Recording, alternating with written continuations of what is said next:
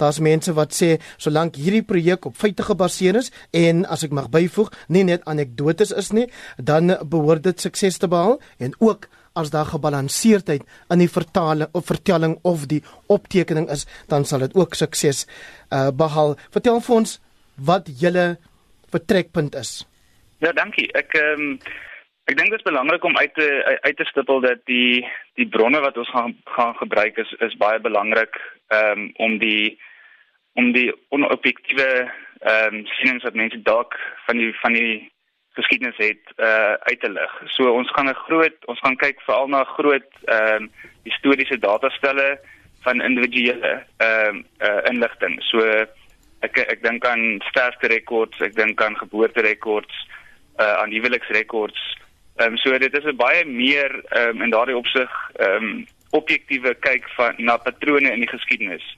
En as ons al hierdie data van individue bymekaar dan sit, dan kan ons interessante tendense sien. Ons kan kyk na die gemiddelde ouderdom byvoorbeeld uh wat mense getrou het en hoe dit verander het oor tyd. Ons kan kyk na die redes hoekom mense gesterf het. Wat is die die oorsake van van sterftes en en hoe sekere siektes oor tyd verander het. So die die die doel van die projek is juis om om um, om mense se stories wat wat tipies in ehm um, uh in soort van in die, in die algemene geskiedenis en die politieke geskiedenis verdwyn uit te lig. Ehm um, maar dit maar dit te doen met met hierdie groot datastelle wat ons ontgin.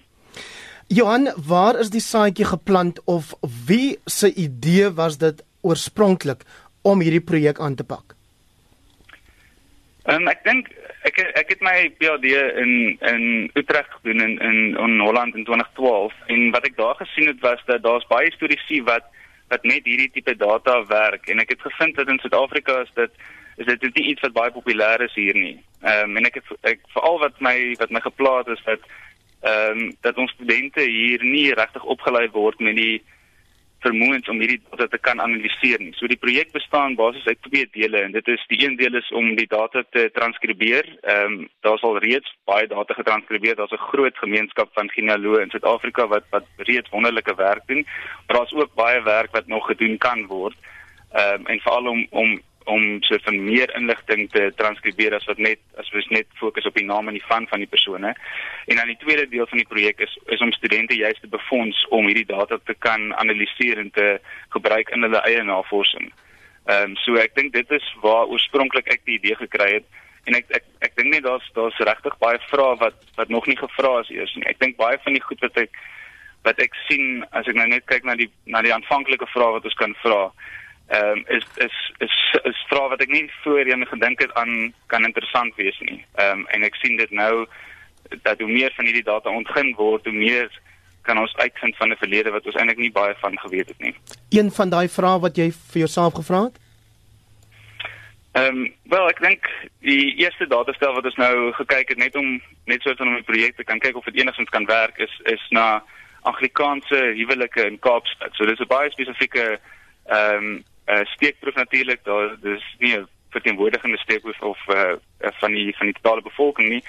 Uh, maar wat jy daar sien in, in as jy kyk na die verskil tussen die ouderdom wat 'n man en 'n vrou was by hulle huwelik um, dis tipiese aanwysing van die ehm um, bemagtiging wat daar is um, in in 'n huwelik. So vroue wat wat baie jonger is as mans is tipies sal sal die literatuur sê dis 'n meer ongelyke tipe huwelik Ehm um, en wat jy dan vind byvoorbeeld is dat dat jy kan dit natuurlik onderskei dan nou vir wit, swart en en bruin in Suid-Afrika en dan kan jy sien hoe hierdie verskillende um, tendense oor tyd verander. Ehm um, en die interessante ding dan nou van Kaapstad is dat so dat dat bruin ehm um, Anglikane se se ouderdomsverskil baie laer is as wit en dan swart. En, en dis 'n interessante vraag. Die ek het nie 'n antwoord daarvoor nie. Daar's baie teorieë oor hoekom dit so sal wees, maar dit dit is dit is byvoorbeeld een vraag wat die data uitlig wat wat historiese en antropoloë en sosioloë verder kan kan bestudeer en en dan verduidelik. So in ander woorde, julle dek die volheid van die Suid-Afrikaanse samelewing in hierdie projek en nie net bepaalde gemeenskappe nie. Ja, ek dink die ek dink die belangrike ding is dat veral as mens kyk na die genealogie van Suid-Afrika wat tans bestaan, is dit maar meestal gefokus is uh, gefokus op die wit bevolking. Ehm um, en daar's in hierdie data is daar is daar dis ongelooflik ryk. Ehm um, so mense kan Ehm um, mense kan regtig oor die verskillende bevolkingsgroepe kyk. En ek dink ook wat vir my net dadelik uit hierdie selfs net hierdie Afrikaanse rekords wys is dat net hoe uh, geïntegreerd ons ook maar ehm um, is. As jy kyk na die geskiedenis, ek dink ons ons verstaan miskien waar ons vandag in Suid-Afrika is en meer onlangse geskiedenis is dat ons verskillende groepe is met verskillende stories.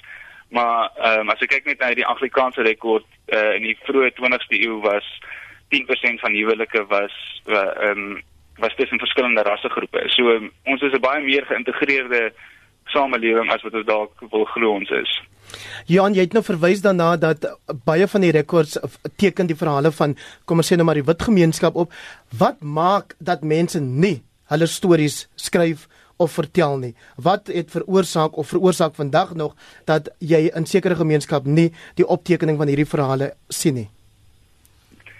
Ja, dit is 'n dis 'n moeilike vraag. Ek dink die Ehm um, as ek net so vanuit 'n historie historiese oogpunt sal kyk, ek dink dit is moeilik soms om stories op te teken waar daar baie min bronne beskikbaar is. Ehm um, en ek dink vir 'n groot deel van ons geskiedenis was die fokus uh die, op rekordhouding op op meestal op die wit bevolking gefokus.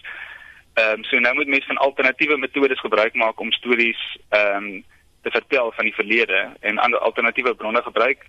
Ehm um, so 'n mondelingse oorvertelling byvoorbeeld is een manier mense wat hulle persoonlike stories opskryf, biografieë, autobiografie uh, biografieë skryf. Maar natuurlik jy kan net tot 'n sekere tyd teruggaan daarmee. En ek dink wat wonderlik is van die rekords wat ons nou hierso begin transkribeer, is dat jy hier regtig stories um, ek sit nou hier met 'n datastel voor my byvoorbeeld van sterftes in die Parel in 1916. En ehm um, hier kan jy die die die Parel in 1916 raak skielik lewendig. Jy kan sien waar mense gebly het, watter strate, wat het mense het waar gebly, wat het wat se beroep het hulle gedoen, waar is hulle dood, hoe lank het hulle as hulle siek voor hulle dood is. So skielik raak al hierdie stories wat ons miskien dalk nou mondelings oorvertel, dalk nou lewendig uh lewendig in die data. En ek dink dit is wat ek graag wil sal aanmoedig is dat as mens meer van hierdie navorsing wil doen op mense wat voorheen nie wat se stories nie vertel is nie, dan kan hierdie hierdie bronne kan wonderlike uh bronne raak vir vir, vir meer inligting. En so kort as wat 'n akademikus en navorser kan antwoord, wat is die waarde van hierdie projek vir die toekoms? Dis 'n maklike vraag nie. Ek dink ehm um, ek dink die eerste ding is is dat ons ehm um, ons uh, vandag het ons 'n baie ek dink en verstaan van ons geskiedenis. Ek as ek net dink aan so 'n van studente wat ek uh wat ek in die klas sien, ehm um, is dit baie uh die die verstaan van die geskiedenis is nie genuanceerd nie. En ek dink hierdie hierdie stories uh wat mense hier uit hierdie data uit kan vertel, dis beide kwantitatiewe data maar ook kwalitatiewe data. Ehm um, gee meer nuance. Gee wys eintlik vir ons soos ek vroeër gesê het hoe geïntegreerd ons as 'n samelewing vroeër was en eintlik uh interafhanklik ons van mekaar was. En ek dink dit is belangrik as ons dink aan waar ons land vandag is om te besef dat ons nie eintlik so ehm um, so ver van mekaar af is as wat ons uh, as wat ons dalk nou sal wil glo nie. So ek ehm um, ek dink die ek dink die vertel van ons van ons verlede van ons stories van mekaar se stories is 'n skrikkelike belangrike um, manier om ons identiteit weer as as 'n samelewing as 'n geïntegreerde samelewing ehm um, wel wel bou. Nou baie geluk met die inisiatief en baie sterkte daarmee daaraan professor Johan Fourie van die Universiteit Stellenbosch.